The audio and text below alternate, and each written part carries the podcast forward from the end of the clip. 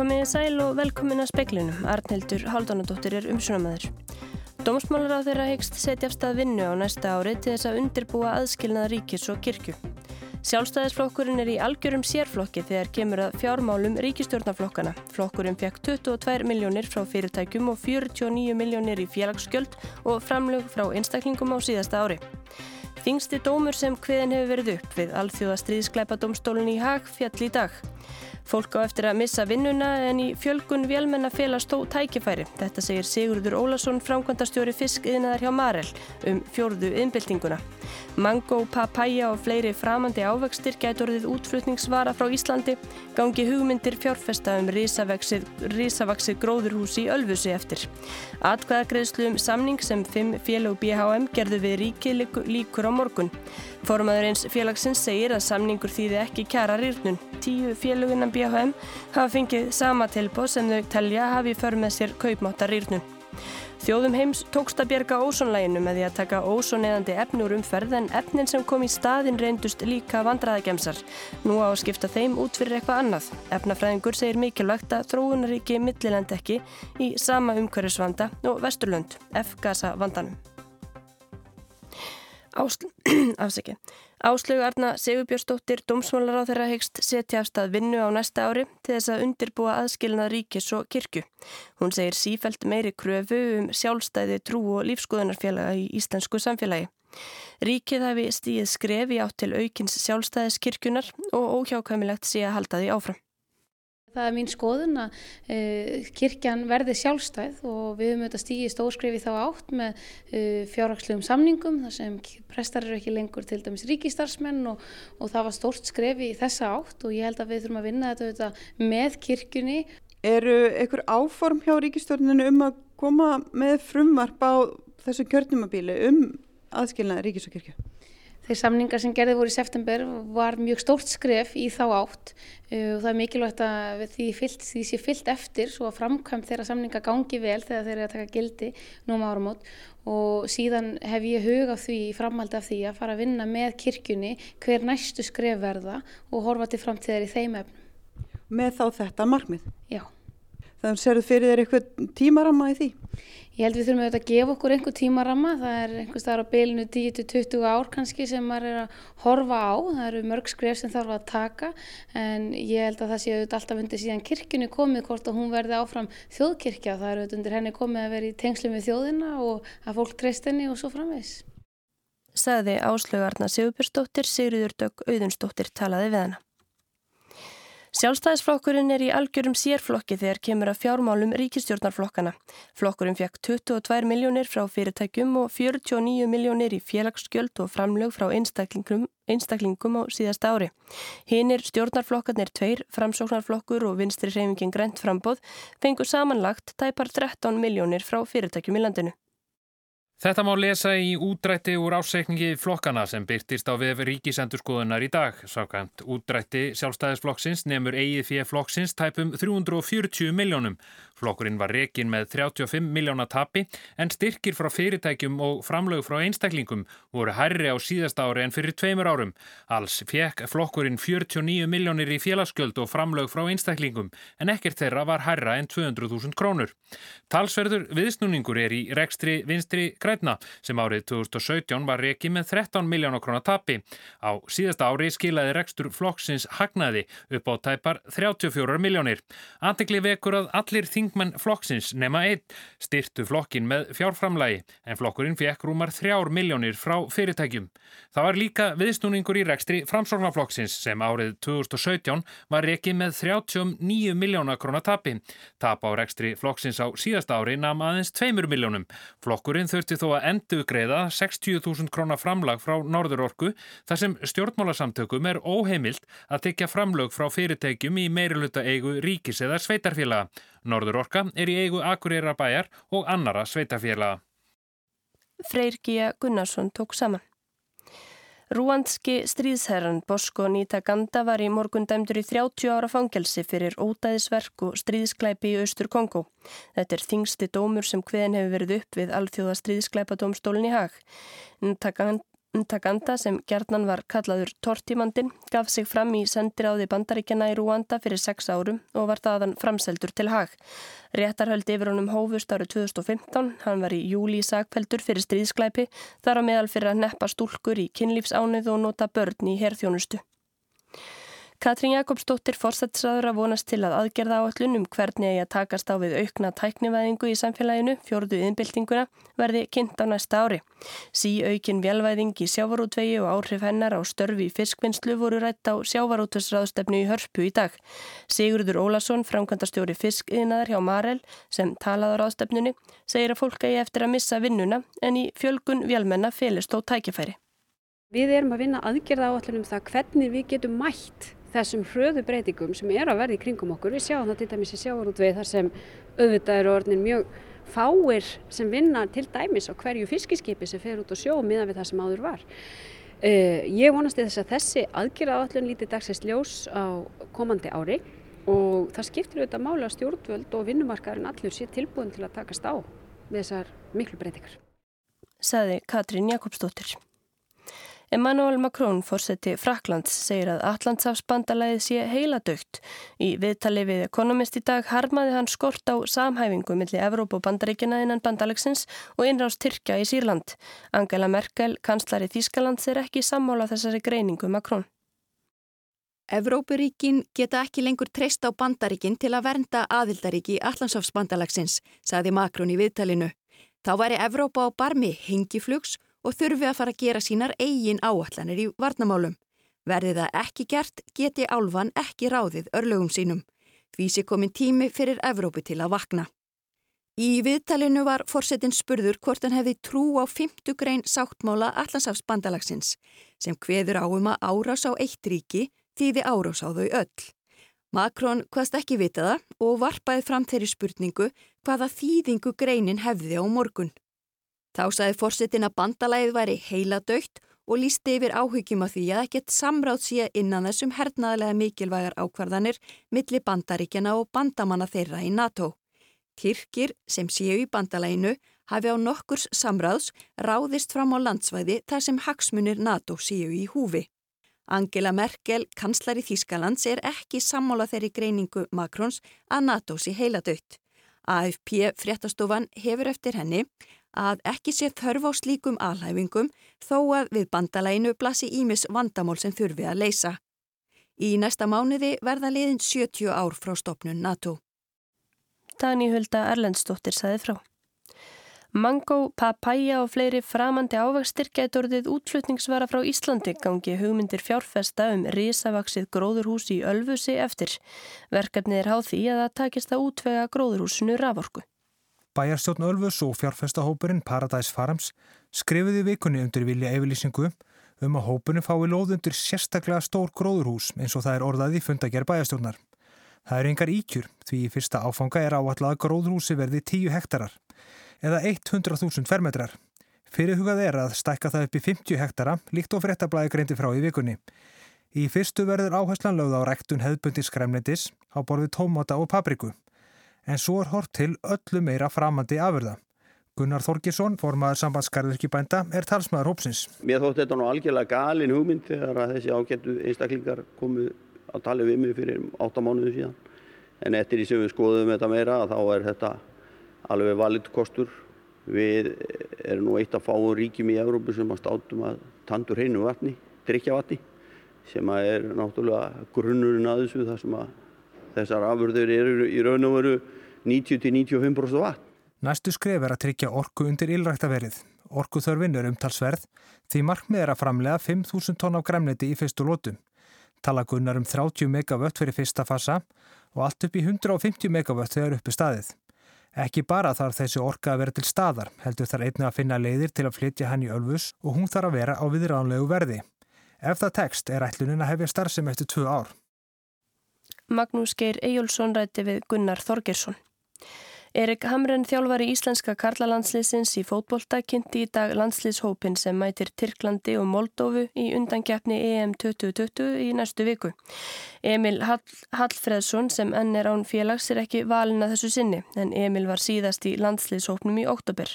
Mikael Njúel Andersson, leikmaður Mutt Jylland í Danmörku er eini nýliðin í hópnum.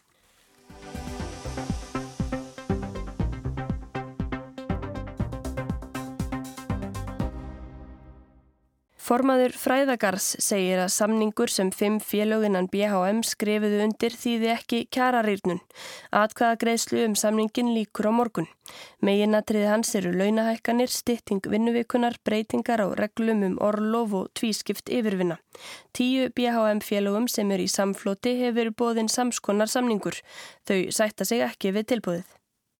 Fyrst er að nefna launaliðir samið til fjögra ára og mánuðalun hækum 68.000 krónur á samningstímanum í samræmi við lífsgerarsamningin að þau ekki rættum kaupmáttar varðar hækkanir, niðurstaðan er að algeng hækkun launa á samningstímanum er 12,50%. Fulltrúar félagana tíu segja að það sem kallað er kaupmáttar varin hækkun eða ekki skilt við kaupmáttni verbolgum. Skýringin á þessara hækkun sé að hvert er launathrepp hækki til að halda 2,5% mun á milliðina. Anna-Maria Frímansdóttir, frangatastjóri Sálfræðingafélags Íslands og Ottamari samninganemt félagana tíu sér að tilbóríkisins sé undir verbolgusbá hagstofunar. Okkur finnst mikilvægt að okkar hópur fái kaupmáttarvarðar hækkanir og það sem likur á borðinu frá SNR núna er undir verðbólkusbá Hagstof Íslands. Ykkar samningi er gert ráð fyrir ykkurum hækkunum á milliflokka en eh, þú ert ekki satt við að kalla það kaupvarða hækkun? Eh, það eru hækkanir sem gera það verkum að fólk haldi sínum personubundum þáttum, svo sannlega, en það á ekki skilt við kaupmáttavarðar hækkanir, nei. Í samleiki félagana 5 og tilbúðum sem félagum 10 að fengi frá ríkinu er gert ráð fyrir að yfirvinna verði flokkuð í yfirvinnu 1 og 2. Yfirvinna 1 verði öllu yfirvinna undir 40 stundum á viku og 2 svo yfirvinna sem unnun er yfir 40 stundir. Yfirvinna 1 er 18% lægri en svo númið 2.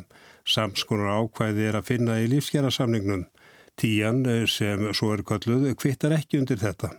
Það að breyta yfirvinnálæni myndi þýða það að félagsmenn okkar myndu lækka í heldarlaunum og þetta hefði sérstaklega slæm áhrif líka þá sem er í hlutastörfu. Anna-Maria bendir á að ef vinnuvikaninu verður stitt í 36 stundir þýði þetta að fjóra klukkustundir af 40 stundum verði á lægri í takstánum. Reyndar er í viðauka með samningi félagana 5 hveða áum að breytingar á vinnutíma eigi ekki að hafa áhrif á laun eða launakostnastofnana. Tilbúr ríkisins um stýttingu vinnuveikunar hljóður upp á að vinnuveikana stýtti sannarlegu 13 mínútur á dag eða rétt rúma klukkustund á vikum.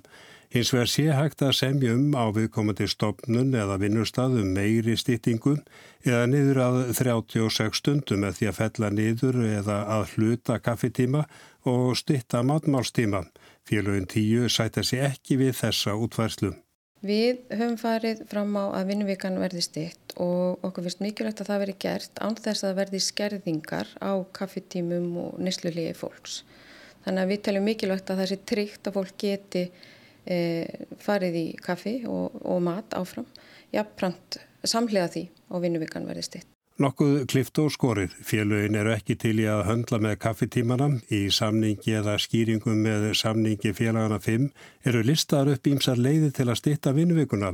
Hægt sé að sapna upp stittingunni og í einni sviðsmyndinni væri hægt að eiga frí til dæmis á förstu dögum aðra hverja viku. Í samningnum er hveð áum að allir ofinbyrri starfsmenni er rétt á 30 daga orlofi. Nú er að þannig að starfsmæður þarf að vera orðið 38 ára til að öðlast þann rétt.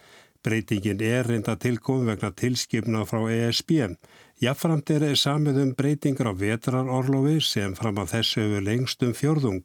Nú gildir það einungis ef yfirmaður hefur beðið stafsmannum að taka fría vetri. Félugin tíur alfarða móti þessu. En Bræi Skúlarsson er formaður fræðakar sem er eitt þeirra fimm félaga sem sömdu við ríkið. Spurningin til hans er hvort króntöluhækkun nægi til að halda í við verbolguna.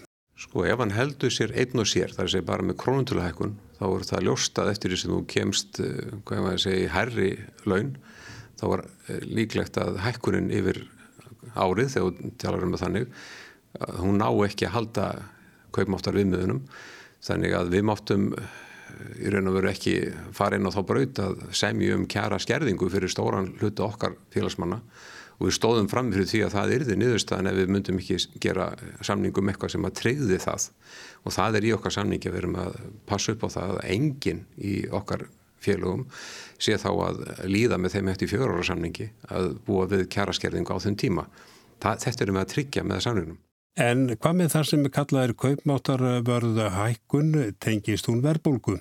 Nei, það er náttúrulega fyrst og aðeins þetta að ef að, hvað maður segja, ytri skilirði verða mjög óhagstæð og við sjáum verbulgunar rjúku upp aftur þá náttúrulega er alveg ljóst að þá mun vantilega engamarkaðurinn segja upp sanningum og við fylgjum vantilega á eftir.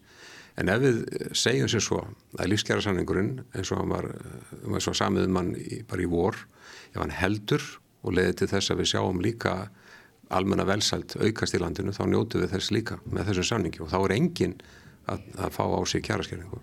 Það er líka hverða á um breyta vinnutíma, styrtingu vinnuveikunar og breyta yfirvinnu. Er það rétt leið til að fara?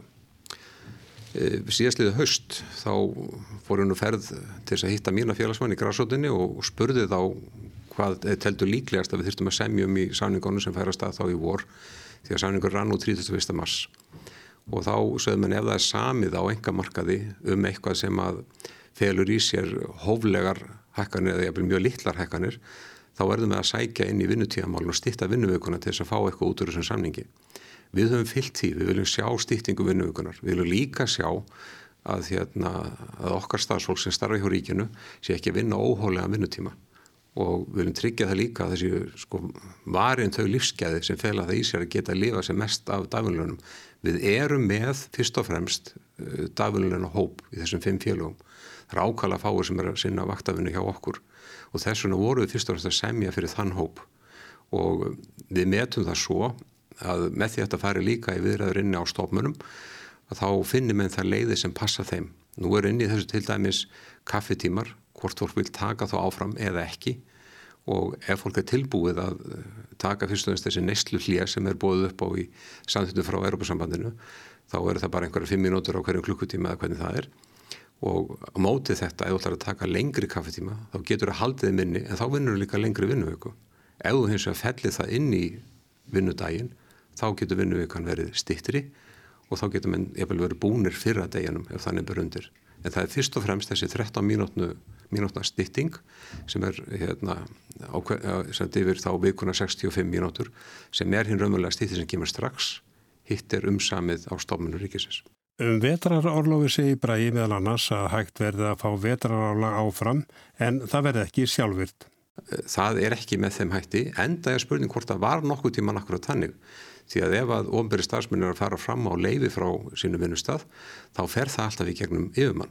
Og það er yfirmann sem segir hvort að það gengur út frá starfsmennstofnunar eða ekki og þess vegna bara eðlilegt ef að stopmunum krefst þess að menn sé að sinna vinnu yfir suma tíman og get ekki tekið allt orlofið sitt á þeim tíma að þá njótið er þess þau þurfa að taka það vetarlæg. Og Bræði heldur fast við það að samningurinn þýði ekki kjara rýrnun. Þann þýðir ekki kjara rýrnun og ég hef mælt með samþjóttans við mína félagsmennum, hika ekki til að gera það.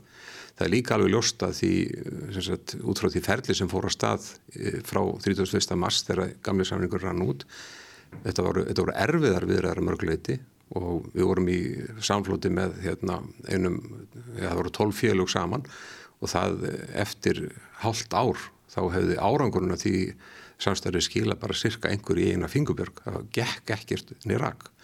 Þannig að við þessi fimm félög, við örðum vegna okkar félagsmann og hagsmuna þeirra að seilast til þess með öllum ráðum að reyna á samkónlega yfir ríkið. Annars var ekkit eftir raunur annað en að vísa og fara að hugsa um einhver aðgeri til að fylgja eftir kröfum. Þetta var Bræi Skúlason, Arnar Páll Haugsson tók saman.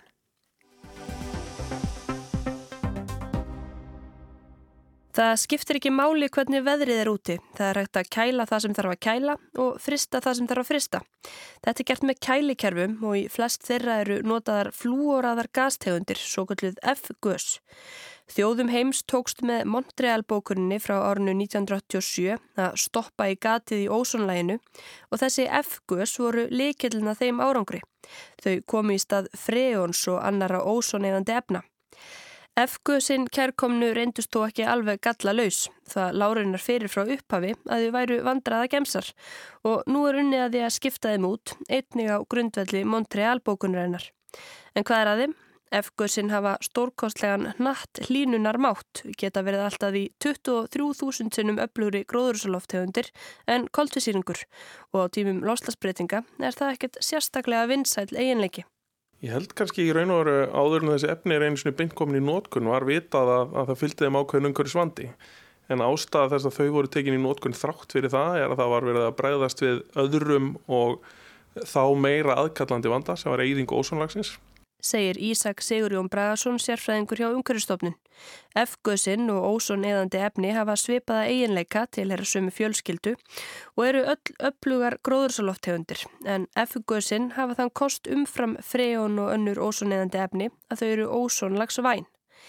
Ísak telur að það við leiði fyrir frá upphafi að F-gösinn væri ekki framtíðar lausn. Efning geta losnátt í endrunslofti við framleiðslu, nótkun og förgun. Ísak segir að vegna þess hafi regluverkið um F-gösinn verið stíft frá upphafi og mikið lagt upp úr því að komi veg fyrir leka.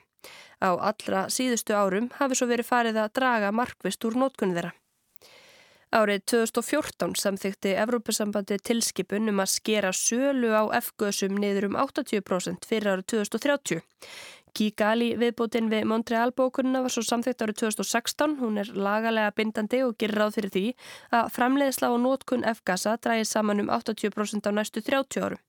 Þessu að fylgja verulegur lofslags ávinningur en talið er að án aðgerða myndu F-gösin einu sér leiða sér hálrar gráður lírun.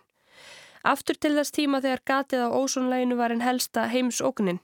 Montreal bókunin gerir ráð fyrir því að ríkar þjóðir losi sig algjörlega við ósónæðandi efni fyrir árið 2020. Efnaminni ríki fengu að draga hægar úr nótkunn þeirra. Þau byrjuðu að minka sína nótkunn á ósónæðandi efnum árið 2013 og eiga verið að búin að losa sig alveg við þau árið 2030. En er þá ekki hægt við því að þau skipti yfir í F-gusin sem að nú er verið að reyna að taka út hér? Já, það er einmitt eitt, ein af svona stóru rökun sem uh, var beitt fyrir því að gera þessa breytingu á Montreal-bókurinni að taka sem sé F-kusin eða vettninsflú og kólefnin inn í Montreal-bókurina, ekki bara ósanæðendefni, er nákvæmlega þetta sem þú nefnir af því að útfösun ósanæðendefna henni var senkað hjá þrónulöndum og við sáum hvað gerðist á, í, í þróðum ríkjum að þar var bara gríðalega nótkunna á FK-sem í staðin fyrir ósonæðendefni og það var viljið manna að koma í veg fyrir einmitt þegar að ósonæðendefni myndi líðandi lóki í þessum löndum að þau myndi ekki millilenda í þessum nýja umhverfisvanda eins og gert var í þróðum ríkjum heldur að e, það er gert þannig að þeim er gert kleift að fara beint í betri lausnir sem ekki hefðu þessi alvarlega áhrif. Árið 2017 gaf hópur frumkvöla og vísindamanna út bókina Drawdown. Það er farið yfir 80 lausnir í lofslagsmálum sem að væri þegar hægt að ráðast í og 20 sem að gætu skila miklu ef þær væru þróaðar áfram. Með þessum lausnum telja vísindamenn hægt að leysa lofslagsvandan. Lausnunum 100 var raðið eftir því hversu miklum samdrættið er skiluð í losun og svo skilvirkast á heimsvísu reyndist þeirra bætt meðferð kælimiðla.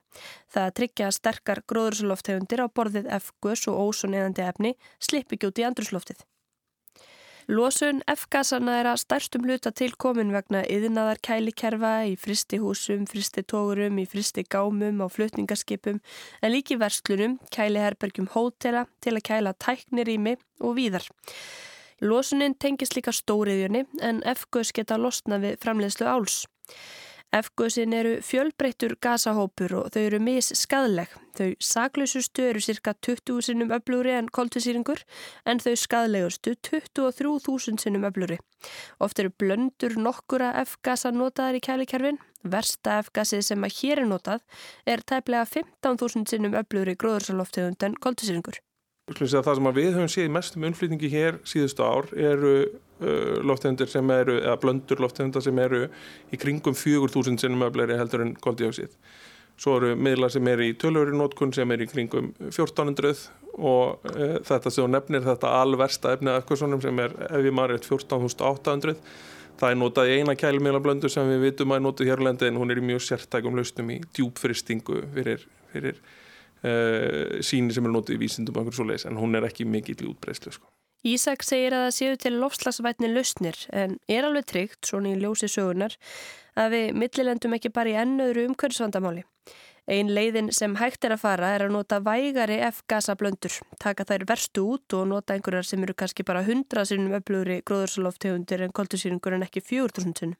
Við erum samt í raun að glíma við sama vandan en þá, bara, bara minkaðan. Uh, hins vegar ef þú ert að tala um að skipta út kerfinu til að mynda ef við erum að tala um kælingu að eiga möguleikan á að kæla með bara miklu betri lausni heildina þá eru það lausnir alveg fyrir hendi sko. og það eru þá misunandi lausnir eftir, í, eh, eftir stærð kerfis. Eða með mjög stór kerfi þá getur það til að mynda að vera ammoniak eins og er, hefur verið notað mjög lengi. Því fylgja önnur vandamálin umhverfisvandi mætti segja, það er náttúrulega getur verið eitrað og getur verið eldfimt en, en hérna það þarf þá Eh, Kolsýra er annað sem hefur verið að riða sér til rúms. Og svo er eins og það sem er í ískápum og fristikistum bara sem seltir í dag það eru það sem að regluverki kallar uh, vetniskólumni þannig að sko lausnindar eru fyrir hendi og þetta er allt ég vil segja þessi efni sem er kvart til í Evrópu og sem notað í staðinn myndi all, öll falla í þann hóp sem við kallum náttúrulega kælumila ammoniak, koldioksíð og, og þessi vetniskólumni sem staðar er, er verið að, að reyna að benda á sérst annan möguleiki útskiptaefnum sem eru svo kallar hydroflúru ólifínar sem eru mjög skild efni þessum vettisflúakorfnum og þar finnst mér erfiðar að segja að, eh, segja að það er ófyrir séðara hvort þeim gæti fyllt vandi en það myndi ég segja svona fókusin í Európu sé að segja nei, nú hættu við að nota það sem við vitum ekki nákvæmlega hvað er og notum bara náttúrulega efni sem við vitum hvernig eru sko. F-göðsinn hafa látið lítið fyrir sér fara í loftslagsumræðinu en eru þó ábyrg fyrir fjórum prósentum losunar hér á landi og tíu prósentum losunar frá yðnaði, stóriðinni þar meðtalinni. Hér hefur losunin aukist hratt á síðustu áratugum samleiða útfösun á ósónæðandi efnum. Við útreikninga er gert ráð fyrir að á líftíma kælikerfis verði alltaf einhver leki á hverju ári. Árið 1996 namn losunin vegna F-gasa hér átján kilotonnum af koltvísýrings ígildum. Árið 2010 namn hún 145 kilotonnum og árið 2017 var hún komin upp í 205 kilotonn, hafði aldrei verið meiri. Evrópu tilskipunin um innflutningskvóta á F-gus tók gildi hér í fyrra og í ár var byrjað að skera nótkunna niður hér bæði á grundvelli hennar og Montreal-bókunarinnar. Nýju fyrirtæki hafðu heimilt til að flytja inn F-gus og kvótin sem þau deildu með sér namn 78% af innflutningi ársins 2015 og á að vera komin niður í 20% árið 2030. Umhverjustofnun spáir því að losun F-gasa aukist áfram hér á næstu árum, nái hámarki í tæplega 250 kilotonum árið 2023 en fari svo minkandi. Ísland hefur verið eftirbátur nágrannaríkja sem flest byrjuði að minka nótkun efnana árið 2016. Innleggingarhallin var aðeins meiri en oft áður og lagateknilega atriði flæktu málið. Stjórnvöld higgjast nú spýta í lofana. Í fjárlagafrömmarpinu er að finna áformum að leggja skatt á flúoraðar loftegundir frá með árinu 2020 að hámarki 10.000 krónar gæld á hvert kíló af efgössum. Upphæðin fyrir eftir styrk þeirra og á skatturinn að stuðla því að fyrirtæki leiti umhverfisvætni lausna. Með þessu telja stjórnvöld að hægt er þið að taka mestu fyrir nótkunn efnana fyrir árið 2030. Normen og Danir hafa lagt skatt á efgus en finnar og svíjar ekki. Ísak segir Dani hafa náð mestum árangri.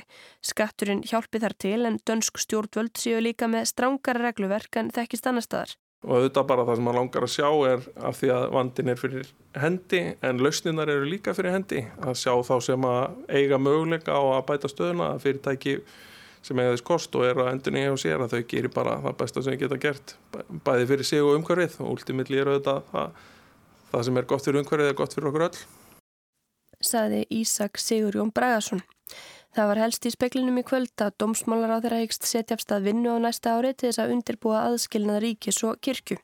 Sjálfstæðisflokkurinn er í algjörum sérflokki þegar kemur að fjármálum ríkistjórnarflokkana. Flokkurinn fekk 22 miljónir frá fyrirtækjum og 49 miljónir í félagsskuld og framlög frá einstaklingum á síðast ári. Þingsti dómur sem hveðin hefur verið upp við alþjóða stríðskleipa dómstólinn í Hagfjall í dag. Og mango, papaya og fleiri framandi ávextir getur orðið útflutningsvara frá Íslandi gangi hugmyndir fjárfestum risavaksið gróðurhús í Ölfusi eftir. Veðurhorfur á landinu til miðnættis annað kvöld, hæg söðlæg átt á landinu og skýja með köplum. Á morgun gengur í suðaustan kvassviðri og storm á suðvestaverðurlandinu en suðaustan strekkingur í öðrum landslutum.